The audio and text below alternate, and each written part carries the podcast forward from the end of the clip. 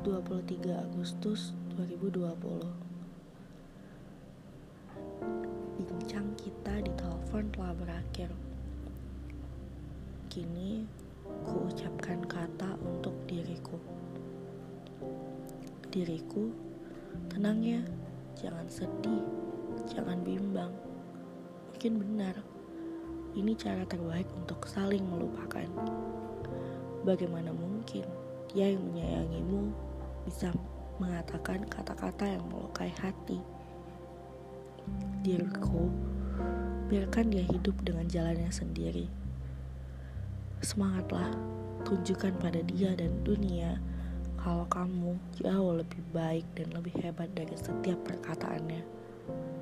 Kuatlah untuk dirimu sendiri.